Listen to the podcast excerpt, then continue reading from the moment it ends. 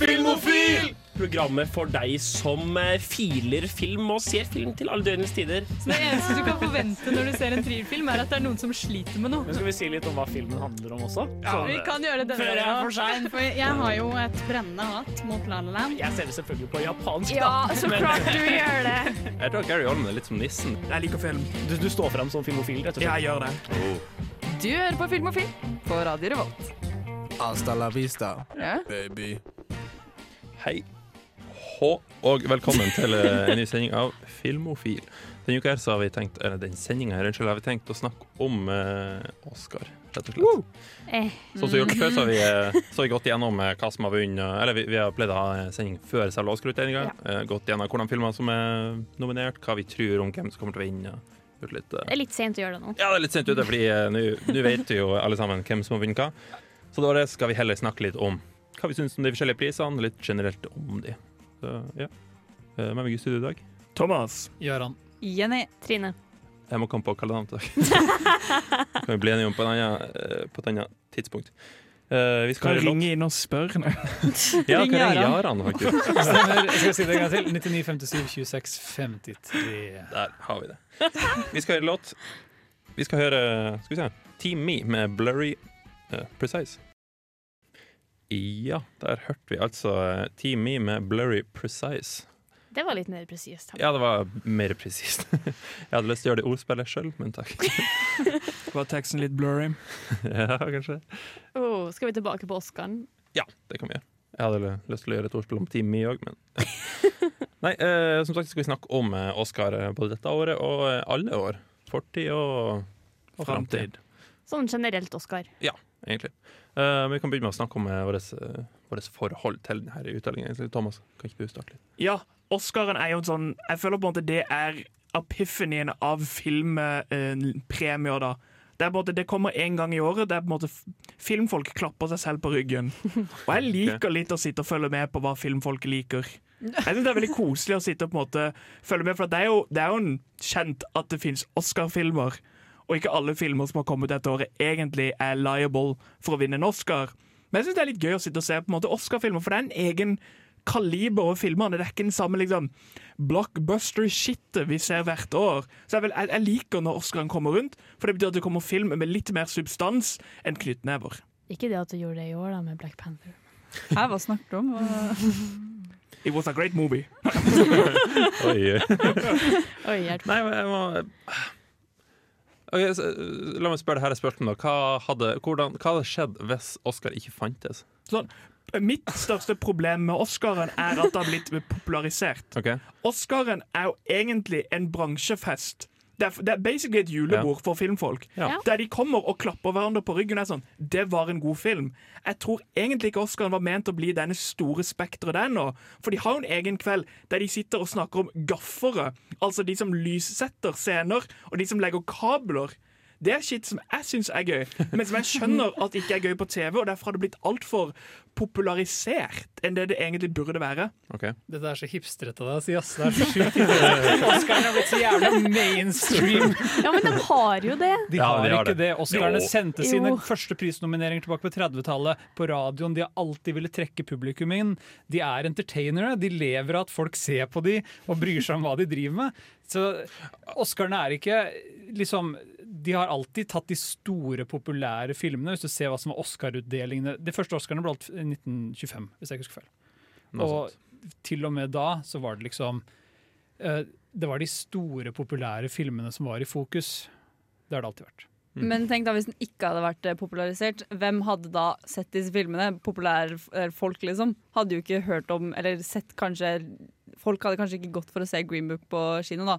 For eksempel, hvis ikke det hadde vært for Oscarene. Fordi folk hører liksom 'Å, den er eh, vunnet beste film'. Da må den jo være noe, det må være noe bra med den. Og det, det, det, da kommer jo mange flere til kinoen og ser den, for eksempel. Og det Mm. gjør jo mye. De, de når jo ut til folk generelt, og det er jo derfor de også gjør det. Jeg kan skjønne hvor du kommer fra, men jeg synes det handler mer om at vi som samfunn er livredde for å gå og se en film ikke vi allerede har fått vite er god. Eh, vi har blitt dytta ned og både mishandla, og jeg elsker superheltfilmer. Vi har blitt livredde for film som har litt substans. Ja, det er veldig sant. Men det, er liksom, det jeg mener med at uh, det, Derfor jeg meg enig i at det har blitt veldig mainstream, er akkurat pga. at Black Panther ble nominert til beste film. Det har liksom bare blitt mer og mer sånne ting de siste årene. Det er liksom ikke de spesielle Jeg syns ikke det er de spesielle filmene som blir nominert lenger. Det er som bare sånn OK, publikum får se det her, vi tar og nominerer. Hvor er de franske kunstfilmene som er sort-hvitt og fransk? Vi De er nominert i sånn, kategorien beste utenlandske film, Thomas. Beste dritt heter det. Jeg uh, vil jo si at i år har vært et trist år for Oscarene. Ikke for filmene som har vært nominert, men for Oscarene, altså selve Oscar-utdelingene og de menneskene bak i presseøyne. Vi har prata litt om dette før. Det har vært litt nyheter rundt det. Litt. En smule. Det har ikke, de har ikke framstilt seg selv i et utrolig godt lys. Um, Nei. veldig eh, needy, desperat og klengete. Like oss! Like oss! Vær så snill! Vær så snill! Vær så snill. Vi skal bli kortere, vi lover! Vi trenger reklameinntektene, please! Please, la oss bli sendt på TV. Vet du hva det koster å samle alle disse folkene i ett rom, altså? Ja, for du tror ikke uh, for eksempel Spike Lee dukker opp hvis han ikke får betalt. Jeg vet ikke om Spike Lee dukka opp. Jeg tror han bare leide inn noen. Noen som ligner, eller? Ja, ja. Oh, ja, ok. Det er vanskelig å finne noen som ligner på Spike Lee, for han ser rar ut. Altså, han er en, Det er en måte å si det en fyr med et artig utseende. Ja, Det kler er klærne som gjør han rar. Ja. Han går i lilla dress. Men han har litt Liksom. sånn, litt sånn tenna på tørk og litt små øyne. Ja, det kan du si. Eh, Vi har tenkt å eh, snakke om snubs, altså filmer som eh, slapp unna på en dårlig måte, hvis du kan si det sånn. Eh, En, en nominasjon dette året for Oscar. Men før det så skal vi snakke om Skal vi se Avenade med 'Memories'. Nå skal vi som sagt snakke om filmer som ble snøbba, hvis det går an å si. Thomas, kan ikke du starte? Ja. For en av de viktigste tingene vi må ta opp når vi tar opp Snubs, er jo det at Oscaren er jo da sjangerbasert. Så det Ja. vi må ta opp er at vi må ta opp hvilken kategori de syns han er snøbba til. Så vi kan ikke bare si 'jeg føler denne filmen var snøbba'. Da har jeg lyst til at vi skal si 'jeg syns X var snøbba til kategori X'. Det er to forskjellige variabler, Thomas. Bare fordi at jeg ikke studerer matte, skal dere mobbe meg. God. First Man var snabba før First Man. okay. Visual Effects var snabba før Visual Når, når vi først er i gang med First Man, så vil jeg jo si at Claire Foy, som spilte kona til Armstrong. til Armstrong. Ja. Jeg, synes hun ble, jeg synes hun burde ha blitt nominert til beste kvinnelige birolle. Hun ble Mm. det under Golden Globes, men hun ble ikke det under Oscar. Syns du det Mm. i forhold til hvem? hvem? Hvem burde ikke blitt nominert i forhold til Claire Foy? Kan jeg spørre om det, eller er det litt spesifikt? Eh, Hvem ble nominert? Fordi jeg, jeg opplevde Claire Foy i First Man ikke som en dårlig rolle, men sånn rent plottmessig så var det en utrolig uinteressant karakter. Det er jo en ekte karakter, og hun hadde sikkert et spennende liv sånn ellers, men alt hun gjorde var å be Neil Armstrong, Neil Armstrong om å ikke dra til månen gjentatte ganger, uh, mens hun så litt trist ut. Eh, Det var best kvinnelig hovedrolle du lurte på? Nei, birolle. Birolle. Men blir ikke hovedrollen, siden hun er både kvinnen i filmen, av en eller annen grunn så er det hovedrollen? Aha, jeg kommer liksom ikke på hva hun ble nominert under Golden Globes. For birolla var Regina King for A Beat uh, Beale Street Called Talk. If Beale Street could. Talk. Emma Stone for The Favourite. Uh, Rachel Weist for The Favourite. Eh, Marina de Travia for Roma. Og Amy Adams for Vice. Det var de som var nominert. De kunne liksom enten tatt Tatt bort, tatt bort enten To Emma Stone, Emma Stone Ja. eller Rachel Wise. De trengte ikke begge to. Ja, hva med, hva med Amy Adams? Syns du hun, syns du hun fortjente en Oscar-nominasjon liksom, før den Hun i, i spilte veldig bra i Voice. Hun får jo bare Oscar-nominasjoner fordi hun er veldig veldig Hun flink får det bare ja. ikke for Arrival. Nei, men hun oh. vet hva, det er enig faktisk. Arrival var en dritbra rolle. Jeg synes personlig, Hvis du skal fjerne noen fra den lista, så syns jeg Emma Stone ikke var den beste i Favourite. Det var fantastisk god skuespill, men Ja. sammen med de to andre så syns jeg hun, hun sin karakter hadde en rar utvikling. Jeg syns ikke hun la fram den karakteren, eh, for den karakteren er hovedrollen. Jeg vil slåss til den jeg blir blå i trynet. Eh, Men jeg syns ikke hun, hun var ikke det beste med den filmen. Det var når hun andre var på scenen. Du var sånn Yes, denne filmen er bra. Det var ikke de scenene hun var alene som var de sterkeste, så jeg kunne lett ha bytta Uh, Claire Foy? Ut med Emma Nei. Stone i den sjangeren. Jeg syns jeg da Ja. personlig. Emma Stone er aldri det beste med noe. Altså, Hun var veldig god i Birdman, men hun var ikke det beste. Jeg får Hun er ikke best i noe. Hun var i grade A, eller hva den heter. ECA. ECA. Hun er god i ECA. Det Jeg vet hun var, jeg hun var maskot til Cornflakes eller noe sånt. Hun var på bakpakken, liksom. Cornflakes er bedre enn Emma Stone. Jeg Ja, har cornflakes hver dag. Jeg cornflakes Emma Stone. Det kjedeligste i verden. Jeg har også lyst til å bytte ut en kategori, og jeg har lyst til å kaste vekk eh, Best Soundtrack eh, til Black, eh, nei, Black Panther, eh, og, Og dytte inn i Into the Spider-Verse. For begge to okay. er hiphop-inspirerte soundtrack. Mens Ja, der er Black, eh, Black Panther bare lever på Kenrick Lamar lagde et album som ikke blir future så mye, så er Into the Spider-Man en viktig del av storylinen. Men, eller, Into the Spider-Man er en annen Spider men, mener du beste sang eller beste soundtrack? Soundtrack nå. Soundtrack. Ok. For eh, sangene, og beste sang for den saks Ja, jeg syns Into the Spider-Verse kunne vært nominert for beste sang. Lett. For Ja. de sangene er en aktiv del av filmen. Sa du beste sang eller beste Ja, vi har, soundtrack? eh, Sunflower, som er uh, på en måte låta til Into the Spider-Verse, okay. er jo et viktig del av selve filmen og brukes gjentatte ganger i løpet av filmen. Ja, okay. Også med soundtrack, for de har begge to sluppet liksom disse hiphop-albumene etterpå. Mm. Mens der Kendrick Lamar bare er litt sånn det lever på, på hypen. Mens Into the Spider-Verse sangene blir aktivt brukt gjennom hele filmen. Ja, men soundtracket til Black Panther er jo ikke bare hiphop-låtene inni der. Det er jo også themen til han eh, Ludvig Göransson som vant Oscar. Ja, Husker du, husker du noe av det minneverdige soundtracket fra Black Panther? Eller en hvilken som helst Marvel-film? Jeg husker faktisk Black Panther. Gjør Man det? husker Ja. den der starten med de Ok, trommene. hvordan, ok, hvordan går den?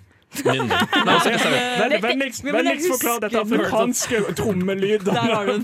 Det, det, er veldig, det er veldig fælt å gjøre det der mot folk live på radio. Ja, Ja, men sorry. sorry. Ja, mitt, eh, mitt poeng er at uh, jeg har aldri klart å bite meg fast i musikken i en eneste Marvel-film. Jeg syns den er utrolig bland og kjedelig. Det er som regel eh, det vi kaller for stock music. Eller sånn, Ja, det. det, er, det er den typen musikk som du legger over eh, Som du henter fra en annen film og legger over når du har et rough cut. Og så sier du til komponisten uh, bruk noe som minner om den musikken jeg henter fra Transformers-filmen. Ja, men Det er kjempevanlig. Transformers Ja, ja. er en av de mest brukte soundtrackene for akkurat det. Ja. Nei, Jeg er helt enig. Jeg syns den var rett og slett kjedelig, og Marvel stikker liksom aldri ut i uh, musikkverdenen. Nå skal vi høre Killer Kid Mozart med I'm Tired. Det var altså Killer Kid Mozart. Den eh, Eller, eh, sorry. eh, Nå skal vi snakke om animasjon. Det er en, en kategori som filmer kan bli nominert til. Så hva gjør egentlig en god animasjonsfilm? Vi skal ikke bare snakke om 2019, som jeg sa i starten av sendinga. Thomas, du kan få starte nå òg.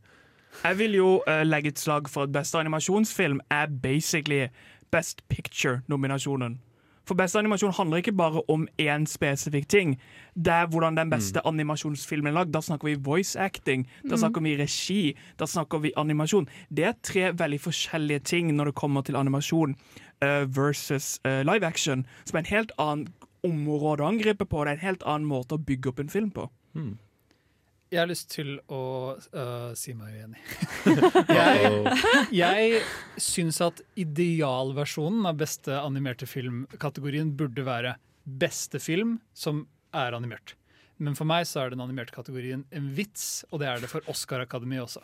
Husker du i 2014, når Shaun the Sheep og Andy Kaufmans Anomalicia var anom uh, er nominert samtidig? Eller i fjor eller forrige fjor, når Boss Baby var nominert? ja. si, altså, de, behandler denne, de behandler denne kategorien som en vits. Det er bare noe de har tatt inn fordi Oi, animasjonsfilm begynte å tjene nok penger etter Toy Story til at vi kan øh, liksom behandle denne Ja, men det er så enkelt. Du tar faktisk helt feil.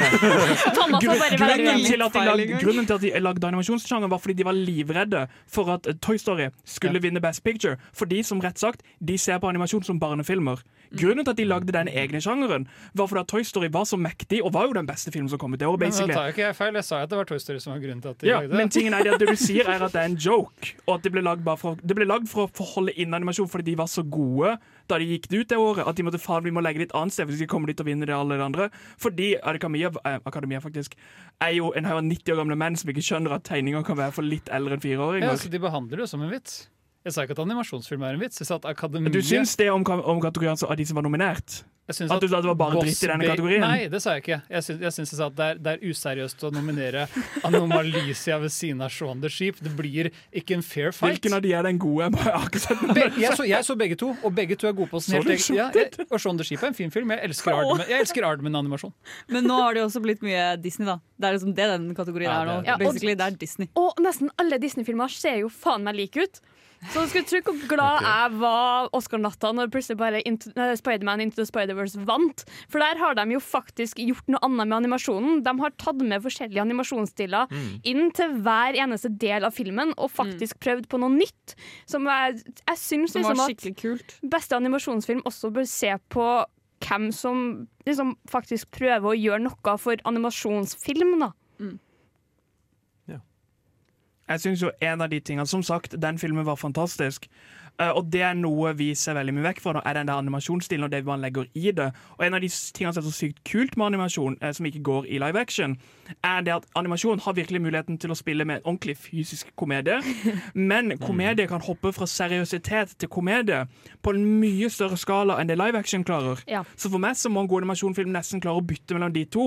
For det viser scener i Into the Spider-Verse som er ordentlig emosjonelt rørende, og neste du bare sitter og ler. Og det kan flippe på en mynt. Det hadde ikke skjedd i en live action-film. Det er sykt vanskelig å få til. Jeg, jeg har faktisk improvisert det fordi eh, Star Wars episode 1, når en Jar Jar tråkker inn i matchen Det går, det går Henning, ganske fort Henning jeg tror jeg må be dem å gå. Jeg tar over teknikken. Jeg stenger deg ut. Jeg sier ikke at det ikke skjer, jeg sier at det ikke blir gjort bra. Ja, for det skjer jeg er stadig vekk. Jeg så nylig Instant Family på kino. Og dette er en film som går fra Mark Wahlberg eh, får en gammel mann til å dø, til eh, Oi, det, denne ungen griser overalt. Det er hysterisk morsomt. skjønner du? Det er, altså, det er helt, men det, gjør det, er helt grusomt å se på. Det gjør vondt. Mens Into the Spider-Verse går fra eh, morsomme, actionfylte sekvenser til rørende øyeblikk med familie eller nære venner i forhold til dynamikken mellom Miles og faren hans, f.eks. Eller uh, spoilers når noen veldig nær Miles uh, dør. Hvem, hvem, hvem nært uh, Spiderman dør, sa du? Hmm. Skal vi se Du kan, velge, du kan velge mellom onkel Alle onkler løp! Karakteren som dør i Spider-Verse, er onkelen hans. Eller onkelen hans. Eller, Eller den eh, andre onkelen. Eller onkelen hans. Det er i hvert fall eh, Rest in eller, peace, alle Spiderman-onkler. Ben. Eller Benjamin, som han er 20-talls Noir Spiderman sier. Og det er onkel Benjamin. Benjamin. er Benjamin. Det er veldig artig.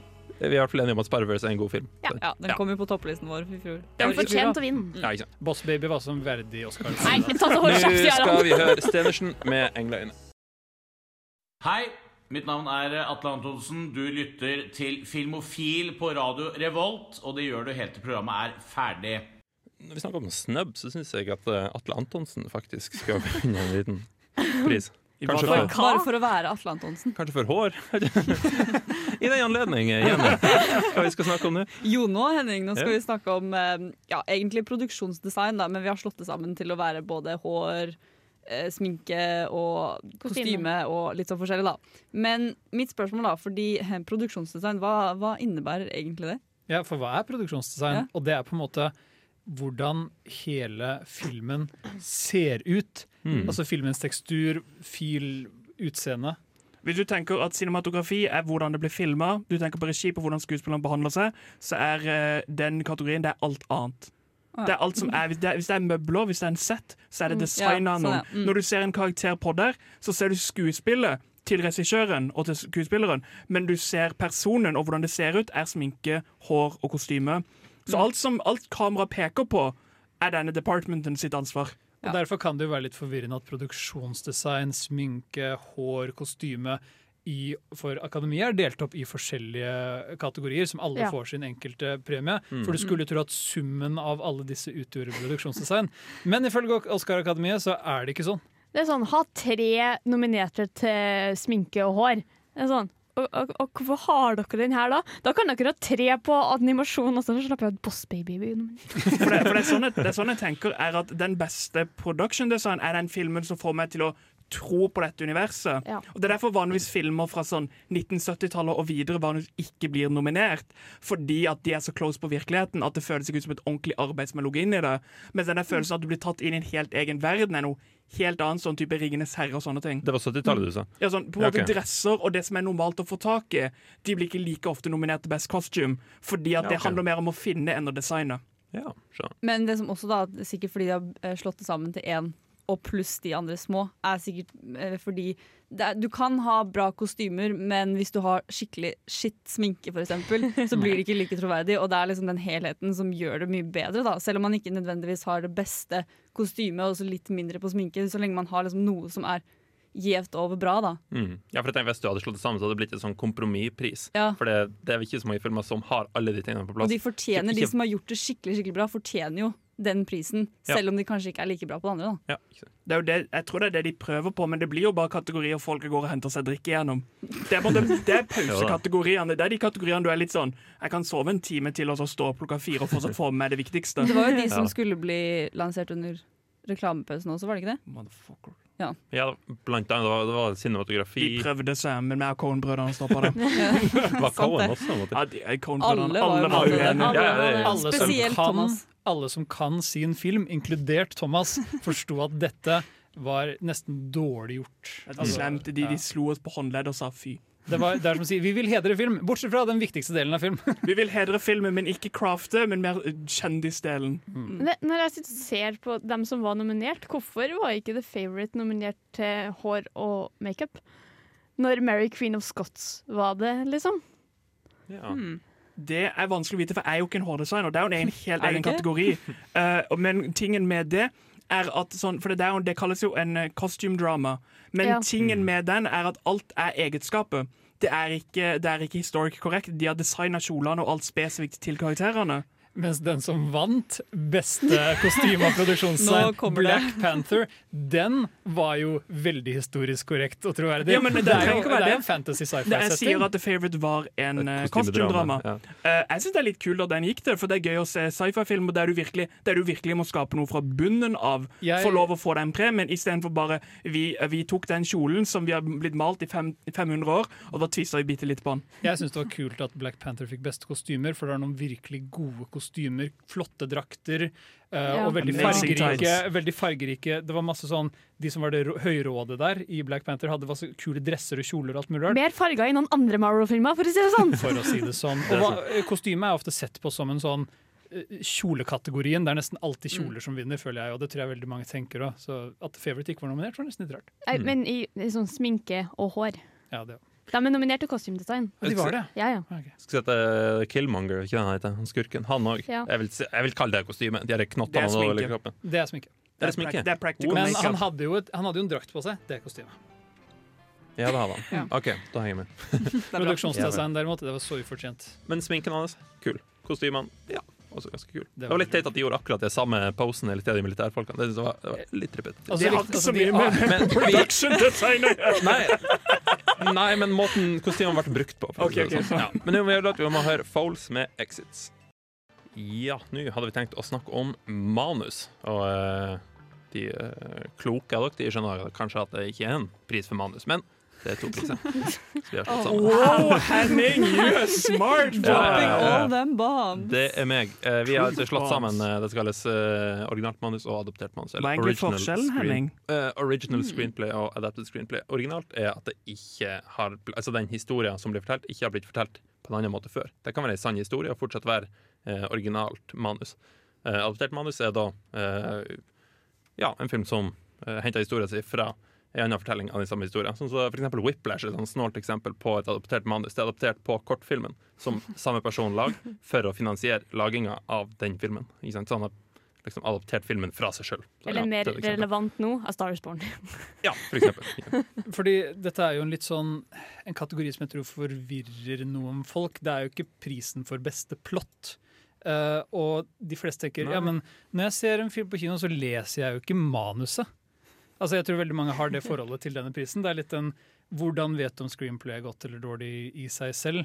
Det, er, det, er, det ligger jo så mye i det som er skuespillerens fremføring, regissøren, hvordan screenplay presenteres. Et dårlig screenplay kan fortsatt bli en god film. En, Star Wars episode 1, faktisk. det, det, det handler ikke så mye, det handler om hvem som har det. Det er det at okay. eh, En fantastisk regissør kan gjøre mye ut uh, Reservoir Dogs er jo bare ett rom. Mm. Veldig mange regissører vil ha et problem med å lage en god historie der inne. Men siden Quentin Tarantino kan jobben sin, så kan han bare fylle ett rom med mye action. Thomas gets me. Så det, at, det er jo okay. det, Jeg har også mye problemer med å skjønne hva er et godt manus. For at det, er en sånn, Ja. det er en historie eller et, et rykte innad i filmmiljøet, og det sier at en film blir lagd tre ganger. Den første gangen er når den blir skrevet, den andre gangen er når den er filma, og den tredje gangen er den er regissert. Og de er tre, klippa, klippa, det ja. og de tre trenger ikke å ligne på hverandre. Det kan være tre separate historier. Eksempel Star Wars episode 4. oh my God! Helt seriøst, den ble veldig endra i klippinga. I hvert fall, eh, Ja, men Star Wars episode 4 var reddet i klippingen. Ja, mange som mener. Så nå prater vi ikke om episode 1. OK. Og da er, og er litt sa sånn. Jeg sa fire. Da lurer jeg på hva, Hvorfor dere gjør et godt manus? For der jeg sliter litt med å sette spørsmålstegn på det selv. Sette, spør, sette svar på det. Du er veldig flink til Ja, det- spørsmål. Ja, det er du. Jeg, jeg, må- si at det er rett og slett at det som skjer, gir mening. Eh, altså Uansett hvor bra Tom Hanks spiller, så gir det ikke mening hvis han liksom plutselig går ifra å være en, snill pappa til å banke ungene sine. Ikke sant? Det sånn, Hæ? Det må ha skjedd noe her. Men- Mens hvis du skriver litt om på mannen, så er det sånn Å ja, nei, han hadde ei ulykke, og så slo han seg i hodet, og så ble han gal, og så begynte han å slå ungene sine. Da gjør det mer mening. Ikke sant? Uansett hvor bra Tom Hanks spiller, så er det andre alternativet en mye, en mye bedre fortelling, og derfor en bedre film, enn den, det første alternativet. Det er derfor jeg personlig er litt irritert på at The Favourite er nominert i denne manuskategorien. Okay. Fordi jeg syns Emma Stone sin character arc, som er hovedpersonen, er veldig rart skrevet. Hun går fra å være denne søte, uskyldige jenta på byen til å bli evil i løpet av en halv side. I, i manuset så er det veldig sånn uh, hun går fra og Jeg, jeg syns ikke hennes utvikling var godt skrevet. Emma Stone er en flink skuespillerinne, men jeg syns at hun hadde veldig lite å jobbe med, fordi at jeg følte ikke den utviklingen var der. Men det er jo også, fordi det er hennes skuespillerpresentasjon, men det er også kanskje det som reddet den inn. Jeg har ikke sett filmen, men mer historien rundt det. da, At de klarte å redde seg inn der, og derfor ser man på en måte litt over den delen. av det Men, men hun var hovedpersonen. Jeg syns det er rart at den er Jo, nominert. Men fortsatt. Så du overser svakhetene i screenplayet og nominerer den til beste screenplay. Det, det, er, der, det er der jeg syns den kategorien blir litt sånn Den blir litt vag, Det er litt- men det er litt sikkert arbitrær, der de kanskje ser skillet. da. Jeg vet ikke. Det er jo en gjeng med Oscar Det er jo noen som faktisk er med De er sikkert innom Writers Guild og alt sånt, de som nominerer disse også, så de vet nok litt hva de driver med. Ja. Men det hender av og til at jeg ser en film og så tenker jeg liksom hvordan ser det ut på siden? Og av og til tenker jeg dette må være helt Tenk å skrive inn disse replikkene. Det er helt fantastisk. Og av og til sitter jeg helt sånn hva, hva er dette for noe møl? Og da er det som, som Henning også sier, det blir bare helt umulig å følge med. Ja, ikke sant. Nå skal vi høre Rikke Nordmann med 'Rip It Off'. Jeg hørte altså Rikke Nordmann. Eh, Nå skal vi snakke om eh, visual effects. Thomas? Nei. Vær så god. Eh, visual effects er jo da eh, det som er det motsatte av prak praktiske effekter. Og praktiske effekter er det som blir gjort på sett. Altså Hvis du ser en bombe gå av og det er faktisk ild på settet, så er det som kalles en praktisk effekt. Mm. Men en visual effekt er alt det som er lagd inn i PC-en, som 90% av alle filmer er nå til dags. Tenkte på special effects. Special effects. Ja. Visual og special effects er vel det samme i denne kategorien. Ja, tror Ja, jeg. stemmer. Ja, fordi øh, alle effekter er visual effects. Ja, Ja. stemmer. Fordi det er ikke noen special effects-kategori. Ja, men Er det Nei. noen som er nominert for, for practical effects? Det er fordi som du sier, det fins ikke practical effects lenger, men visual effects-kategorien har vært, tror jeg, eksistert lenger enn god CGI har eksistert. Ja, det tror jeg. Nå så handler det jo basically om CGI, altså eh, dataanimasjon. Alt som ikke er menneskelige eh, filmer. Og det er veldig morsomt, for at folk tenker liksom at de er, de er så dårlige på ting. Men en ting, hvis, hvis det er en flyvescene i en film, så er det 99% sikkert at det er CGI. De er så Ja. sykt flinke på biler, båter og fly. Når det kommer til å få det til å bli animert. Og det er derfor sånn type solo er nominert. Fordi det er space og det er flyving, liksom. Den skjønner du hvorfor den sli, slir inn her. For at de verdenene ser aldri dårlige ut. Filmen var kanskje shit, men de ser ganske gode ut. Men jeg vil si at det mest minneverdige fra de siste Star Wars-filmene, Solo muligens inkludert, fordi jeg som resten av verden ikke så denne filmen eh, Altså, Solo tjente tilbake pengene sine, men det var ingen som så filmen. Jeg vet ikke hvor de pengene kom fra.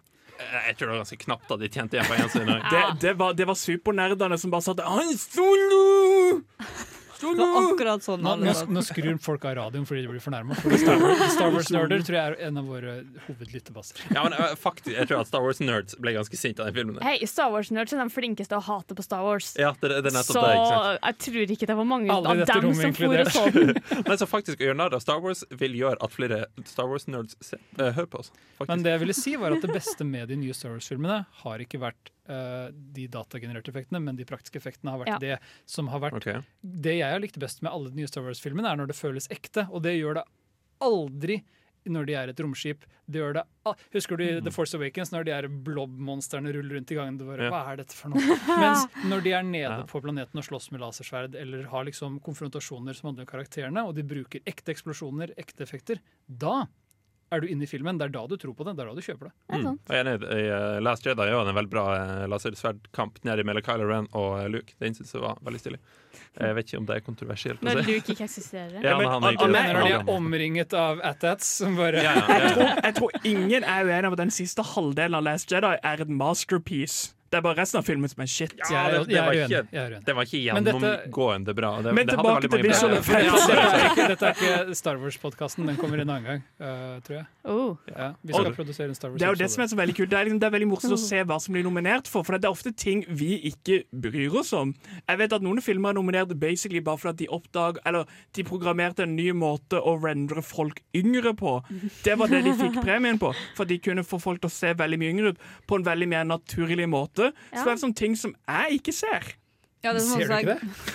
Jeg ser at de er yngre, men, men jeg ser ikke hvor mye timer som ligger bak det. Det er sant. Nei, det er sant. Det er Men det som også er gøy, er å se liksom, for eksempel visual effects. Vi tenker kanskje Avengers Infinity War. Det gir mening at den er der, og Ready Play One også. De, ja.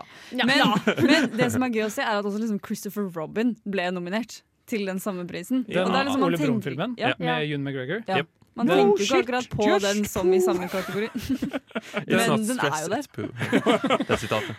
Men jeg, jeg, jeg kan litt skjønne det, fordi de, altså, den her, de her uh, Nasse Nøff og Ole Brumm når de hopper rundt i London eller hva det er for noe på 50-tallet Mm. Det er lenge siden jeg så Men det er jo en Jeg- jeg helt annen type enn Ja, ja. for eksempel Ja, Han ja. Solo. Er, Absolutt. Så var det jo First Man som faktisk vant nå, da. De, har, de, Ja. De gjorde det å se i verdensrommet jævlig bra ut. Den månescenen er helt psyko. Og First Man er et eksempel på praktisk trumfer CGI. Og den beste CGI-en er CGI-en du ikke ser. Ja. First Man har ekte sett, ekte settdekorasjoner, ordentlige romkapsler. Altså, det er praktiske effekter nesten hele veien, og det er helt fantastisk. It's so amazing. Er, er det romscenen, eller månescenen, er den like bra som den de gjorde på 60-tallet? Eh, ja. de, de, de gikk faktisk tilbake til samme studio som de faket eh, månelandingen. Vi i er 60, ikke, ja. vi er ikke en eh, De, de tok Kubrick ut av Stasis og fikk han til å regissere den. Ah! Ah, Area 51. Så. Ja, ja. Wow. Alt faller på plass.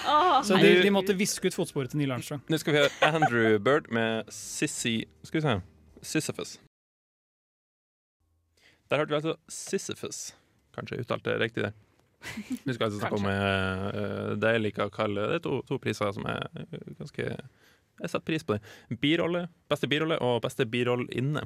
Altså kvinnelig birolle, som andre vil kalle det. Thomas, kan ikke du Ja. introdusere oss? Min definisjon av en birolle er selvfølgelig at du ikke er protagonisten. Du er ikke hovedpersonen i Mm. denne filmen, men du er en essensiell del som har mye å gjøre. Men for at skuespillet skal være viktig, så må du klare å stikke deg ut. Og det er derfor vi ofte sier at de stjeler scener. Det er veldig sjelden Ja. vi sier en film den hovedpersonen stjelte alle scenene de var med i, men vi hører det veldig ofte om biroller. Ja, ikke sant. Jeg tror det er en grunn til at Sam Rockwell ble nominert som George W. Bush i Vice. For hver gang han er hjemme, så sitter jeg og bare ser på han og bare Du ser så, du ser så dum ut! Ja, Du, og, bare, du er så bra som Bush, bare fortsett. Ja, og det er ikke rart han ble nominert for uh, Three Billboards, altså Ja. Ebbing, Missouri, for der har du definisjonen av noen som stjeler. Ikke bare scene, men en film. Fordi han er på en sånn eh, Han er en birolle, men han er Ja, jo absolutt. personen du Yes, han kom på scenen, liksom. ja, ikke sant? Fordi Ja. han, er, han er en eller annen knøl i starten av filmen. Du tenker liksom, ja, Han er en sånn, litt sånn mini-antagonist, en sånn knøl som hovedpersonen må over. Ikke sant? Men så viser han seg å være altså, en, en veldig ja, stor Han har en veldig fin ark, i hvert fall. Ja. Det? Jeg syns er litt spennende med, eh, med birollekategorien, er at i motsetning til hovedrollekategorien, hvor du, hvor du er hovedrollen, og så blir du enten nominert eller ikke, så er det det at her er du potensielt i clinch med andre biroller. Det, det er en litt mer konkurransedyktig kategori, Mm. egentlig, i utgangspunktet. Flere fra samme film kan jo faktisk bli nominert til beste birolle, sånn som i år, hvor to stykker fra The Favourite fikk beste Jeg tror, jeg tror grunnen til at Olivia fikk beste hovedrolle, var fordi at de ikke kunne ha tre av samme film i samme kategori. Jeg, jeg tror de bare tenkte hun spiller best, uh, så vi gir henne den fineste prisen. For det er mye av tingen som er som du snakker om. Det er at hovedroller Hvis en film er dårlig, så er vanligvis en hovedrolle dårlig. Du kan være en veldig dårlig film, men ha en fantastisk birolle. Ja. Det er ofte biroller bare stikker ordentlig ut av filmen. Og jeg kjenner mange i skuespillermiljøet som heller vil spille en birolle, for de ofte har mye mer dybde til seg. Og det er noe jeg liker å si i birollene. Er at Selv om de bare har tre minutter på screentime, kanskje, så klarer de Sånn som Hannibal Lecter. Jeg bare vant birolle, og han er med i tre minutter i Science of the Lamb. eller- Ti. Det er minutter. Ti Han er med, han er med veldig lite i filmen, men han er likevel Han stjeler Han får en Ja, ja. ordentlig Ja, ja. utvikling. Alec Baldwin i Glengarry Glenn Ross, som er en film full av skuespillere. Altså Al Pacino, Jack Lemmon. Mm. Mens Alec Baldwin er på scenen Jeg tror han har legit fire minutter. Jeg lurer på om han vant. Han ble i hvert fall nominert. Dette er tilbake på 90-tallet. Men det er en så sjukt bra birolle. Alec Baldwin i Boss Baby. Oh. Ja, for det virker jo som om man har mye mer, man, man har mye mer frihet og spillerom når du er en birolle, for du kan bare kapre til deg hele filmen, som vi har holdt på og sagt her. Og du kan ofte spille litt mer fargerike karakterer, sånn som Sam Rockwell i Three Billboards. Hvor han kunne aldri vært hovedkarakteren bare fordi han er så usympatisk til å begynne med. Ja. Men det er en mye mer spennende karakter. Som Henning Ja, og, ja, og det hadde ikke vært en interessant film heller om historien var bare en, en dust som ble en snill fyr, liksom. Jeg, jeg så- elsket forholdet hans til moren hans. Det kunne vært Ja, ja. kjernen av filmen. Han og moren hans i den filmen. Det er så fantastisk bra. Det hadde vært veldig ubehagelig og så veldig tilfredsstillende Og det er så kult, for det er så ordentlig drypp. Det er sånn Du får vite så mye på så liten tid. Og det samme med, Men det er jo noe irriterende med filmer, men veldig bra med biroller, er at de faktisk tør å leke seg med hva de caster. Sånn som Den som vant birollen i fjor, var jo en homofil eldre mann.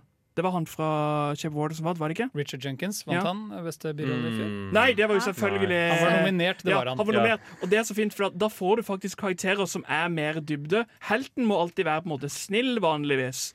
Det er veldig ofte at helten må være, helten må være det filmen er. Mens birollen får lov å utvikle seg og være mer, sånn som en homofil mann. Det er her ofte dessverre svarte eller kvinner blir dytta inn i, i sånne filmer. I homofilmen. Nei, i birollestatus. Vi er, er dessverre nødt til å gå videre. Jeg føler noe jeg sier out. uh, vi skal høre låt. Vi skal høre eh, Sacred Pause med 'Brush Your Hair'. Ja, det var Sacred Pause med uh, 'Brush uh, Your Hair'. Nå skal vi snakke om eh, hovedrolle og hovedrollinne. Er det innafor å kalle det? Jeg synes det var artig. Henning, du er en sexist. Eh, Nei, det er jeg ikke. Ja. Eh, ja. Vi har hva, gjør, hva gjør en god hovedrolle? Og Hva gjør, det gjør selvfølgelig godt skuespill. Ja. Det er jo, hovedrollen er jo det som bærer filmen. Du kan ha et veldig godt manus, men uten en god hovedrolle så er det ikke en film som folk kommer til å se. Du må, det er den personen som fører deg gjennom denne filmen. Denne personen må være noen som er interessant nok til at du gidder å følge han de neste to timene. Men også for å ha en god hovedrolle, eller hovedrolle, så må du ha godt manus og god regi og, og godt alt, egentlig. Det, det er på en måte den som kommer sist, på en måte. For det ikke alltid finnes mye unntak fra det her, men jeg føler at eh, veldig gode hovedroller kommer kun i ellers veldig, veldig gode filmer. Jeg Eh. Lady Gaga. Fullfør den tanken. Hva mener du med det? er bare det, var liksom gode nominasjoner i år, så kom Lady Gaga. Og Du syns ikke hun burde ha blitt nominert? Nei. Nei, ikke jeg. Jeg så filmen på nytt igjen, og bare sånn Nei. Hun, hun gir liksom ikke så mye. Nei, Bradley er Cooper gir en del. Hun derimot Hun synger, og det, det er det hun kan. Ja, for det, eh, det har jeg lyst til å kommentere på hvorfor han eh, var fortjent med nominasjon for beste eh, skuespiller, mens hun Jeg syns ikke var ikke han fortjente Nei, men, men mer. Ikke sant? Ja, fordi han ble liksom tatt litt ut av sitt element. Når han gikk opp på scenen, første scenen, eh, ja, første scenen av filmen, han gikk opp på scenen, og du så han drev og drakk og sånn der, gikk opp på scenen og så litt sånn litt bedriten ut, ikke sant? og begynte å synge og rocke og la, la, la, sånn. Da trodde jeg helt på han, ikke sant? Ja, ja. At hei, rockestjerne, ikke sant? Det var ingen tvil om det. Hadde eh, pff, eh, Jeg kom ikke på en annen skuespiller. Altså, Leonardo DiCaprio. Hver gang han gjør en film, Ja, så ser jeg bare han. Nettopp. nettopp ikke sant? Hvis Leonardo DiCaprio hadde gått opp og begynt å sånn, Det er det jeg gjør med Rami Malek nå. Så jeg hadde tenkt å ta eksempelet Rami Malek, men vi kommer tilbake til han. tror jeg. uh, nei, for da, uh, tenk uh, Når du tar Lady Gaga opp på en scene i en film, så føles det mer ut som en cameo. liksom ja. Sånn snålt. Sånn, Hæ, hun, hun En gjorde bare to jobben timers sin. cameo. Ja, ja, egentlig. Ja, eh, la oss gå inn på Rami Halleck. Jeg husker aldri hvordan du skal Rami. Malek. Uh, og en av de tingene jeg bedømmer en film på, og hovedrollen med, da, er hvor mye ser jeg karakteren, og hvor mye ser jeg personen. Og det er derfor jeg Altså skuespilleren. skuespilleren. Og det er derfor jeg syns sånn type Olivia Olivia syns jeg egentlig blir diska for denne kategorien. Hun vant Best uh, Leading Actress, men hun er en birolle i den filmen. Hun er fantastisk, men hun er en birolle når du ser den Hun filmen. fortjener fortsatt å vinne en Oscar. Hun fortjente det, for hun er fantastisk skuespiller, men Ramy var fantastisk. For at når han gikk på scenen, så glemte jeg hvem han var. Jeg så bare Farouk. Jeg så bare AK. Rami Malek med store tenner. Jeg, jeg forstår ikke egentlig hvordan du kan oppleve det så sterkt som det virker som det gjør. Fordi ja, Hvis du har sett Remy Malek i noe andre der, f.eks. Night at the Museum eller Mr. Robot, så er det han spiller Freddie Mercury ikke bare i kostyme, for kostymet er så vellaget at allerede der så begynner det å bli litt sånn Hæ? Ja, men det, Kostymet er så vel, velgjort, men så i tillegg så er det er mange feil i Bohemian Rhapsody, men hvordan han hvis du har sett Freddie Mercury, intervjuer eller scenefremføringer av Freddie Mercury, som jeg antar at du har, Ja. så er det veldig vanskelig å skille mellom disse. Og det føles ikke som en sånn skritt for skritt, ord for ord igjen fortelling av hvem Freddie Mercury er. Gjenskaping for han. Han tolker Freddie Mercury, og han tolker han så bra noen kan i den filmen, spør du meg. da. Ja, det, jeg kan si meg enig, men jeg syns fortsatt ikke han fortjente å vinne en Oscar for det. Fordi det liksom bare Det hadde vært noe om han kunne sunge sunget sjøl. Nei, Selv om det går, det går ikke, det går ikke an. det er så urettferdig å si. Det er, er kjempeurettferdig. Ja, Prøver du at skuespillere ikke skal bruke hjelpemidler? Jo da, men det er bare Ja, hei, du er flink til å stå og holde på å lipsynke og liksom, leve deg inn i rollen som Freddy, men jeg ser fortsatt Jeg har et problem. Jeg ser bare Rami Malek. Eh, Det, det, på slutten på Live Aid-konserten så ser jeg Freddie Mercury, men resten av filmen så har jeg veldig problemer med å skille mellom dem to. Når jeg ser Vice, så ser jeg ikke det er, Store deler av tida så ser jeg ikke Christian Bale, jeg ser Dick Cheney. Derfor syns jeg det var en bedre rolle. Ja, av og til titter han gjennom. Ja ja, jeg er enig i det. Ja. Hver gang du ser Molden, så er det Chris Bale. uh, men en ting, for jeg føler mer og mer så, så blir uh, Best Actor basert på en ekte person. Ja. I fjor var det Gary Oldman for uh, Churchill. Det er veldig ofte at de spiller ekte personer. Og de kunne bare ikke ha to fete personer på rad. Og da syns jeg det er veldig gøy å se skuespillerne faktisk være eh, ekte personer. både Hvor realistisk er du i forhold til det? For der har du ordentlig skuespill. At de faktisk spiller de rollene de er, fordi det er ekte personer. Det skaper jo en målestokk. Vi er nødt videre. Vi skal høre Patrick Antonsen. Antonsen? Jeg vet ikke. Kanskje Patrick Antonsen. det kan være meningen. 'Screamer of the Night'. Der hørte Nå? Hæ? Hva skjer her? Ikke vet vi. Å ja, OK. Nei, glem det.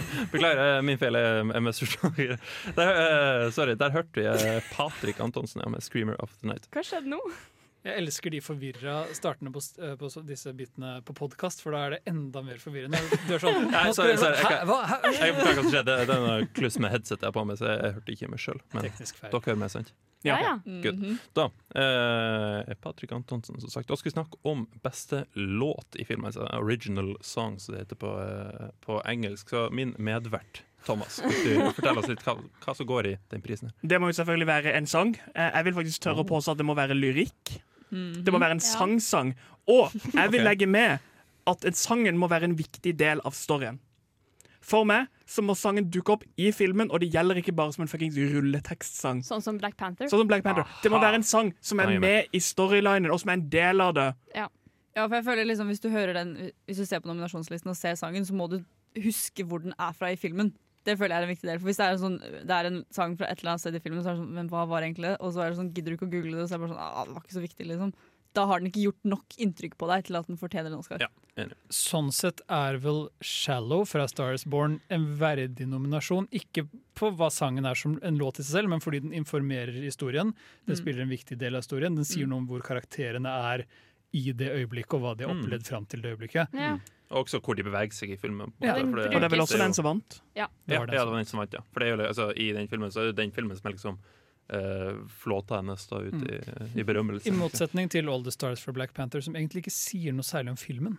Uh, Nei, nei, det er det jeg også tenker. Altså, jeg uh, det er ikke det at det er en dårlig låt, den er egentlig en bedre låt enn 'Shallows', spør du meg. Det kan godt være. Men når den nominasjonen kom, ikke sant? så sto, så så det stod Kendrick Lamar for uh, Black Panther. Ja, han hadde noen låter der. Ikke sant? Fordi jeg husker at gjennom filmen så var det sånn at når de liksom fløy et eller annet sted i romskipet, sitt, så hørte jeg plutselig stemmen til Kendrick Lamar. Så, jeg, å ja, ja, det var det, ja. Kendrick Lamar hadde laget et album. Ja. Ok. Men jeg skjønte aldri hva sang var det. Jeg følte det bare var bakgrunnsmusikk Ja. hele veien, og det ikke hadde noe med historie. Så teit at jeg var nominert. Det er jeg enig med eh, de fleste her i, tror jeg. Men nå skal jeg slenge dere litt opp mot veggen, for nå, det var et litt sånn lurespørsmål. Oi. For en av de kanskje mest ikoniske sanger som noen gang har vunnet denne premien, er jo 'Lose Yourself', som ikke dukker opp før filmen er ferdig. I. Eight Men- Mile. altså. Lose Yourself sier veldig mye om filmen. Den oppsummerer filmen Men den er ikke med i bra. filmen. Men Jo. veldig- Den er ikke, den er ikke med for slutten. Nei, men den, når, du, når den først kommer, da, så innser du at det, dette er jo hele filmen. Det er det den bygger på, og du skjønner liksom Ja, ja nei, jeg syns den, den Feil, Jeg- Thomas. Jeg forstår hvor Jenny kommer fra, fordi Feil, Thomas.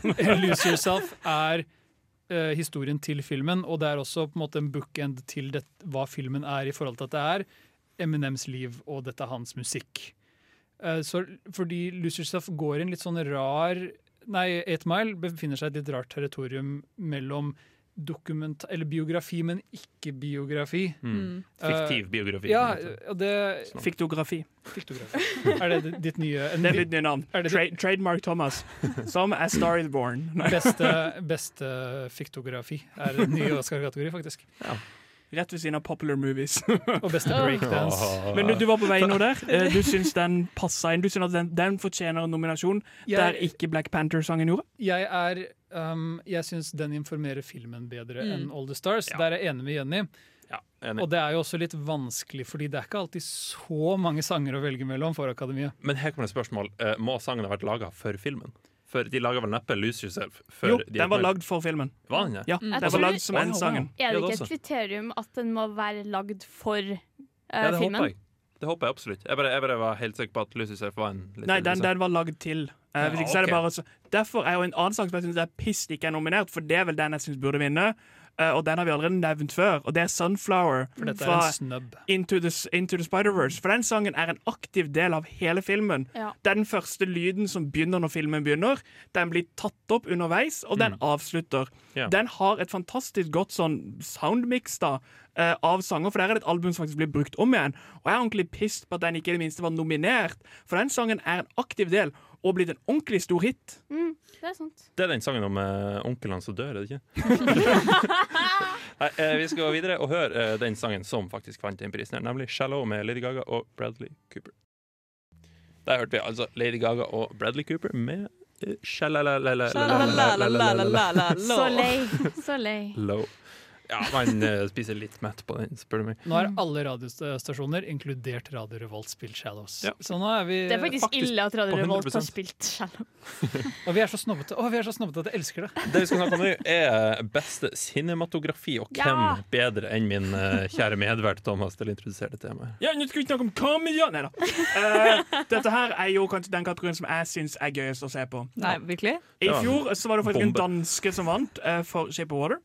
Eh, og det er jo kamerabruken og hvordan cinematografi betyr kamera. Nei, det var Roger Deakins som. Fuck, Ja, det var Roger det. Deakins, ja. Jeg hadde lyst til at skulle vinne. Det er andre gang jeg sier feil i fjor. Fordi, fordi jeg husker da jeg sto og kauka over hvor glad jeg var at Roger Ja. Deakins vant noe. Så, så jeg var sånn Det her er feil. Denne handler om hvordan kamera blir brukt for å fange bildet til regissøren, og hvordan kamerabevegelsene og valg av linse og kamera ender opp til å påvirke historien. For de, for litt mindre innvidde der hjemme, eh, kan du bryte dette ned? Forklar det til meg som jeg ikke vet hva du prater om. Ok, uh, Du vet at en, en film er jo filma. Mm. Cinematografi er hvordan denne her er filma. Jeg tar notatet. Det er så enkelt. Det er hvordan, det er hvilket eh, De har valgt mellom iPhone og Samsung for å finne ut hvilken mobil som er best å filme denne filmen på. Det er artig at du nevner, fordi hvorfor var ikke Steven Soderberg nominert for Unsane, filmen han filmet på en iPhone? Fordi at uh, cinematographer er snobber, Uh, og ingenting som er Hvis ikke det er kjørt på film, Lexa eller uh, Aris, gidder vi ikke. De, de mobber Red-kameraet. Det er kjempegøy. I år var det jo en interessant cinematografi-nominasjon fordi Alfonso Cuarón, som også regisserte sin egen film, var Mm. nominert for Roma. Han var både cinematograf og det skjer, jeg det. Ja, får sånn pustelyder i Ja, jeg hørte øret. Er, er det en liten hund her? ja, jeg tror det. Sorry. Det er bare, den filminga i Roma er bare helt syk. Ja. Det, hvis du har sett den, og den uh, siste scenen på stranda der er helt Og det er så nydelig. Oi! Jeg vil, ikke, jeg vil ikke kalle den syk på den måten at den er eh, sånn fantastisk at, at du bare Wow, for, for, noen, for noen bilder! Men det er det at hvert bilde er så perfekt konstruert. Mm. Ja. Han bruker det hverdagslige og de små tingene. Han bruker forgrunn og bakgrunn på en helt mesterlig måte. Og dette er en kombinasjon av regi og cinematografi som fortjente begge nominasjonene. ja. Og der er det veldig spennende er jo det at cinematografen og Det er en sånn ongående joke om at regissøren og cinematografen er mannen og kona i forholdet. Så Alfonso er bare begge. Alfonso er, glad i reproduksjon. Og der er det jo veldig mye på det er, det er jo ikke bare det å klare å filme det riktig, men å velge riktig stil. Ja. Det er en veldig viktig jobb. Så Roger Deakins er jo veldig flink på det visuelle. Han vet hva han skal sette i bildet. Og da har det blitt veldig forvirra hvis samme filmestil som hadde, filmestil som hadde blitt brukt i Transformers, hadde vært flytta over på Roma. Og counter Så der, er det, Og shaky cams og sånn. så der handler det veldig mye om å klare å velge riktig kamerautstyr og kamerabevegelse for å klare å treffe den perfekte balansen som forteller historien. Men det som er litt interessant, da, hvis dere har sett filmen 'Searching', Den, hvordan kan den ta seg ut her? Fordi den er, hoved, den er faktisk nesten bare filmet på mobil og PC-skjermer og sånn, men den er jo fortsatt Den er jo fortsatt ganske bra gjort, til tross for at den er filmet så dårlig. Og den gjør seg bra ut i den forstand at det skal se sånn ut. Hvordan hadde den tatt seg ut i den kategorien her? da, Jeg tror ikke den hadde gjort det bra, fordi at her, eller her er det jo snobbete. Ja. Det er jo veldig snobbete. Ja. Eh, hvis ikke kameraet koster 40 000 dollar, så er det ikke verdt noe. Var, var 28 Days Later nominert? Jeg er litt usikker. Den var Den, filma eh, på SD-kamera Den var, sånn, den var en sånn stor debatt om skulle være For det var en god stund at det var sånn, Hvis ikke det var filma på film, så Ja. kunne du ikke bli nominert. Men deler av filmen er filma på film, og Ja. det er derfor jeg lurer på om den var nominert. Uh, ja, de siste, de siste bitene av 28 Days Later jeg filma på 35, eller jeg ikke. Det forblir et mysterium. En liten film, altså en film som var for et par år siden, og det er jo uh, The Room. Mm. Uh, som var filma. Og det er Room! Room! Ja, The, Room, The Room er en mye bedre film. uh, Room har en veldig sånn ikonisk scene på, eller I begynnelsen av filmen så er de inne i dette lille rommet. Og det er filma på en sånn måte at dette rommet virker veldig mye større enn det det er. Men så besøker vi det senere, og i løpet av ett kamerautblikk så klarer vi å skjønne hvordan karakteren egentlig var fanga der inne. I motsetning til hvordan den lille kiden så det i front til mora. Og det Ja. var bare kamera. Det er veldig sant. Mm. Hva sa Room? Room. Med Brie Larson, Med Brie Larson. om uh, de som, barn og den Ja, ok. dama som er kidnappet. Ja, det var den ja, beste ja, ja. filmen i 2000 og, Eh, Var det 14? 15? nei, Den vant ikke, men jeg syns den burde. Ja. det var den Ja. beste filmen i 2014. Jeg mener det var 14 eller 15. 15. Nå skal vi høre Teksti-TV 666 og, eh, med eh, låta, mener jeg. Eh, Aidatu Tulevaiusus. Ja, noe sånt. For et program i burra med både klasse og stil. Du hører på Filmofil. Det gjør du. Nå skal vi snakke om eh, beste edit, eller klipp, eller hva enn du vil kalle det for noe, Thomas. Du kan faktisk bestemme hva vi skal Yo. kalle det. Eh, vi kaller det klipp eh, fordi vi er norske. Ja. Selv om jeg kalte det cinematografi forrige, så fuck det. Eh, klipp er jo, for Vi har sagt tidligere at en film blir lagd i tre deler. Hmm. Den blir skrevet, den blir filmet, og den blir klippet. Og nå har vi kommet til stikket der man ender opp For det som er vanlig på sånne filmer, er at de filmer veldig mye mer enn det de faktisk trenger. Det er derfor det plutselig kan komme en extended edition som har 20 minutter til, som er scener som er blitt kvitta vekk. En lett måte å se på dette for å forklare dette enkelt, er at du kan tenke på det som en kokk som skal tilberede et godt stykke med kjøtt. Du må kutte vekk for mye fett og for mye av shit du ikke skal ha med, men du må beholde de viktigste delene for å få den beste cutten. Og av og til så kutter du rett og slett for mye. Og filmen blir bare en litt sånn ekkel, rar kjøttslinter. Eller du ender opp med å kutte opp hele kjøttbiten i masse små kuber, og så har du ikke nok til å steke kjøtt, så du må steke det i stekepanne og lage en kjøttsalat av det i stedet. Ja, men det, er- det er jo sånn, det er noen filmer som bare har for mye. Det er noen filmer som er på fire-fem timer der du tenker denne filmen kunne vært en halvtime, hvis ikke tre timer kortere. Og det er noen du er sånn, Jeg skulle ønske det var litt til, for de har kutta vekk ganske viktige deler. Her kommer klipping inn som en ganske viktig en. Og Derfor er jeg faktisk litt pissed på at uh, Bohemian Rhapsody vant Best Edit. Yep. For den er ødelagt av kontrakter. For det er så mye der de bare kutter vekk til resten av bandet. Bare fordi at jeg tror det sto i en kontrakt at Brian May skal være med i så og så mange scener. Ellers så er det bare fucka fordi de endra regissør rundt inni der, og han nye ville ha noe annet. Det virker som to forskjellige filmer. Den der, den der Men uh, det er ikke Bryan Singer, Nei, eh, nei, sexforbryteren, som har klippet eh, Bohemian Rhapsody. Det er jo hvem er, Jeg husker ikke hva han heter, men uh, Det kan hende at han John had... Ottman. Det- John Ottman, ja. Det kan hende at han hadde et annen visjon og sier ifra til han som klipper. Though.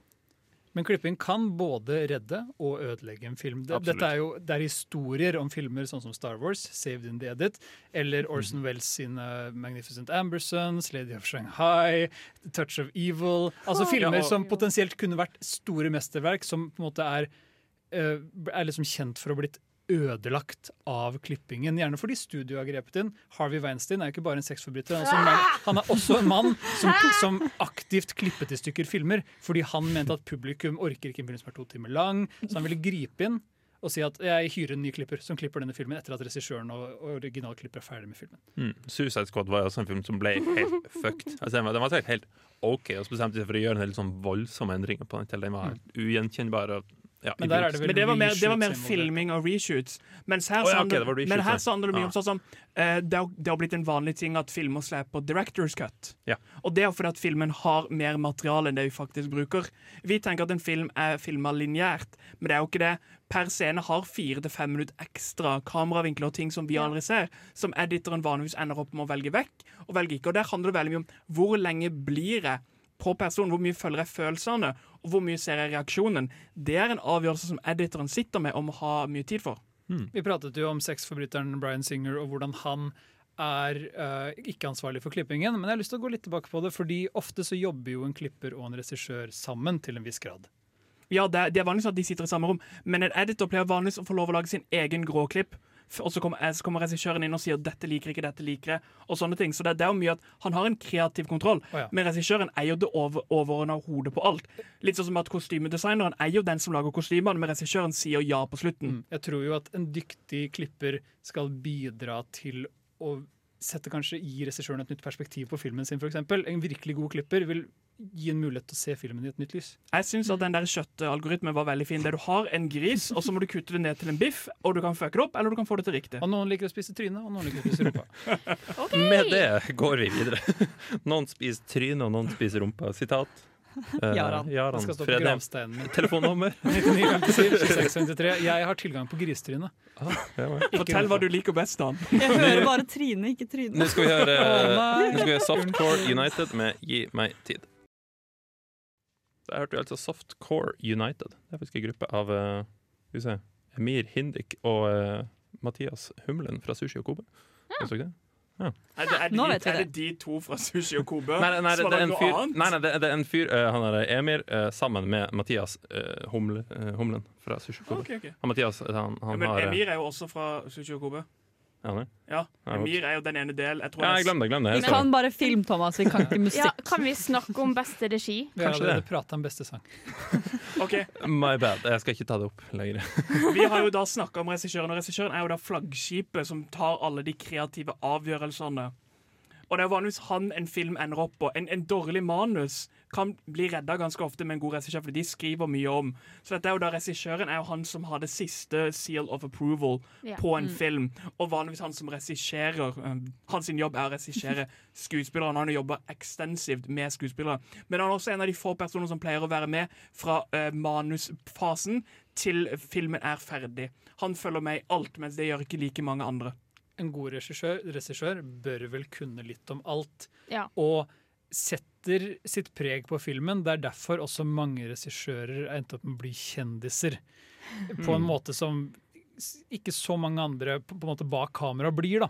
Det er sant. Uh, fordi disse Det er, et, det er blitt sånn ah, Du kjenner igjen en Christopher Nolan-film, og han er på plakaten. Fra mannen som ga Ja. deg The Dark Knight kommer en ny Christopher Nolan-film. Alfonso ja, alltid- Cuarón, mannen bak Gravity. Ja, det er alltid mannen, det er alltid regissøren som blir sett på som eieren av filmen. på en måte. Ja. Ja. Det er ikke noe Selv om det er produsentene som er den. Er Han er jo den, han er den kreative overhodet. Alt som skjer utenom budsjettet, er jo han som har siste Eller ordet på. hun. Ja, det er sånn. Mm. Ja, men det er ikke noe rart at vi sier han. Det er nesten ingen kvinnelige regissører som blir anerkjent ut der heller. Det er ingen som blir nominert til Regissør og cinematografi er veldig ofte undergått, og spesielt mannlige hovedroller. Ingen kvinner har noen gang vært nominert. Herregud, altså. Nei, Skjerpe det, er, seg. det er nok sant, for det er dyktige kvinnelige regissører der ute. Og det er ofte sånn når kvinnelige regissører får en film, så er det litt sånn Endelig en kvinnelig regissør! Nå, det var samme jammen meg på tide!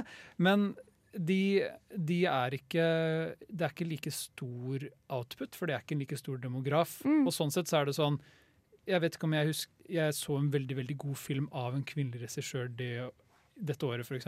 Nei, i fjor hadde vi Ladybird. Ja, For så og den var vel nominert. Ja, det var Mm, nominert. det I år så tror jeg vi hadde You Were Never Really Here. Har jeg hørt veldig gode ting om det samme regissør fra We Need To Talk About Kevin. Hun Ja. ble jo ikke nominert. Nei, det er den Jacqueline Phoenix-filmen. Ja. Det, det var nok ikke en typisk Oscar-film. Nei, det var jo Det ikke var det. en voldelig hevnfilm med lite dialog og lange scener. À la eh, Mandy? Mandy. Ja, men, de, Eh, Som Mandy, bare ikke klin gæren. men de sammenligner jo den med Taxi Driver, da. Så Ja, det var det mange som gjorde det. sant? Men regissører er personen som har ansvaret for det overordna kreative overhodet. Det er riktig, og veldig ofte så er de sexforbrytere. Og jeg har lyst til å prate bitte litt om det, fordi det, jeg, nå har jeg holdt meg lenge, og nå er vi inne på regissører, og det er mange dyktige regissører, og mange av de er kreative genier. Men Oscarene samler altså eliten av voldtektsmenn og pedofile i Hollywood i ett rom på én kveld, og disse sitter og De er så hyklerske, de bare Det bader i vært eget verre. Det kunne vært Teen. Choice Awards. De bare bader i sin egen kjendisstatus. Og sin, for det, dette er noe med Hollywood er så opptatt av sin egen kjendisstatus. De elsker det. De, de sitter der og klapper for seg selv. Dette er en industriprisutdeling, men folk behandler det som det er et valg. Som om det er en valgkamp. Det er jo ikke det i det hele tatt. Jeg, jeg syns uh, det er litt sjelløst, og jeg har stor beundring for en dyktig regissør, men mange av disse menneskene er folk som er vanskelig å like utenfor spotlightet. Ja, um, får bare gå en 180 og tilbake til hvorfor de er bra. Uh, personlig så er jeg litt sånn Når uh, Leonardo DiCaprio gjør en ny film, så er jeg litt sånn OK, I don't, I don't care. Men når en regissør jeg liker kommer med en ny film, det er ofte da, det er da jeg perker opp ørene mine og sånn hmm. Det er ofte hvis det er et gøy konsept eller en god regissør. Det er da jeg blir interessert i filmer. Veldig sjelden fordi en skuespiller eller en kostymedesigner er tatcha to det. Ja, og det er litt det jeg eh, det jeg sa når vi snakka om beste skuespiller og skuespillerinne. Det med at uh, du ser aldri en go veldig god skuespiller i en ellers dårlig film. ikke sant? For at en skuespiller skal gjøre det bra, så må han ha eh, grunnmuren lagt for seg. ikke sant? Han må ha en god regissør. Jar Jar var fantastisk. Jeg må, jeg må si at Det er veldig gøy at på de siste seks årene så har fem av dem som har, de fem av dem som har vunnet det siste, er meksikanere. Den eneste som ikke har vært det, var Damien Chazelle. Stealing a job. Med det så er vi nødt til å gå videre til ei, eh, ei, ei ny låt. Vi skal høre 'Pikekyss' med 'Holder meg tilbake'.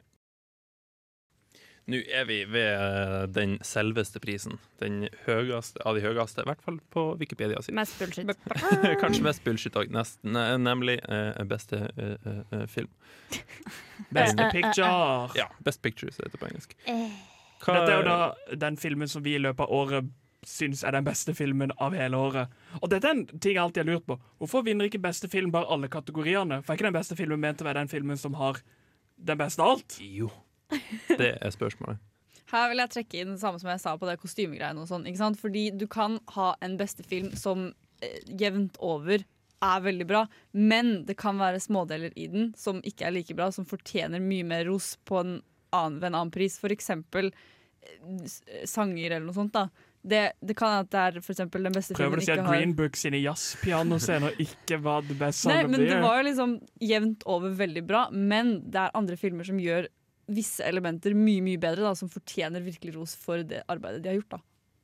Og det, alt Ja. det harde arbeidet de har lagt bak. Det syns okay. jeg i hvert fall. at det Ok, så hvis du, hvis du hadde gitt poengscore liksom, for hver enkelt prestasjon, så i snitt Altså den som får den høyeste snittverdien, ja. blir beste film, ikke sant? Men, det Men, det er gjerne uteliggere. Altså uteliggere på, på hver enkel På uteliggere? Ja, utestikkere? Altså sånne eh, utskudd da, på hver enkelt ting du måler i filmen. Ja. Så ser du at nei, den beste låta, ikke sant? Den, selv om den scorer åtte, ikke sant? så finnes det filmer som scorer ti. For eksempel sånn som Thomas da går liksom etter filmer med cinematografi og sånn, for eksempel.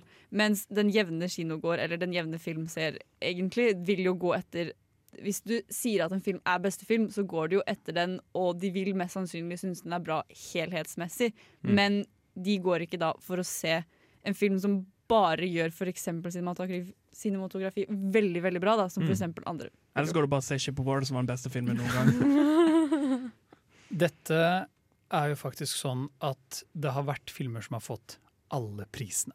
Ben Hur, okay. Titanic, Mhm. 'Ringenes herre atter en konge'. Filmer som bare har gjort rent bord. bord. Ja. Og det har skjedd et par ganger, og det hender veldig ofte at hvis du ser på de eldre Oscar-vinnerne, så har ofte beste film vunnet en del priser, og derfor endret Akademiet stemmesystemet sitt. Når vi prater om hva som gjør en god Oscar-film, og hvordan det stemmes, så gikk de fra, jeg tror, på en måte loddstemming til eller stemmetelling til, Til å bli betalt. til liste til, til at du setter sammen en liste, hvis jeg ikke tar helt feil. ja, jeg tror det. En slags listestemming hvor du lager en sånn preferanseliste, og så, okay. og så legges alle disse listene sammen, og så tar du på en måte snitt av den beste, den som er høyest. Høres, høres rett ut. Ja, det er sånn jeg Mm. mener det er.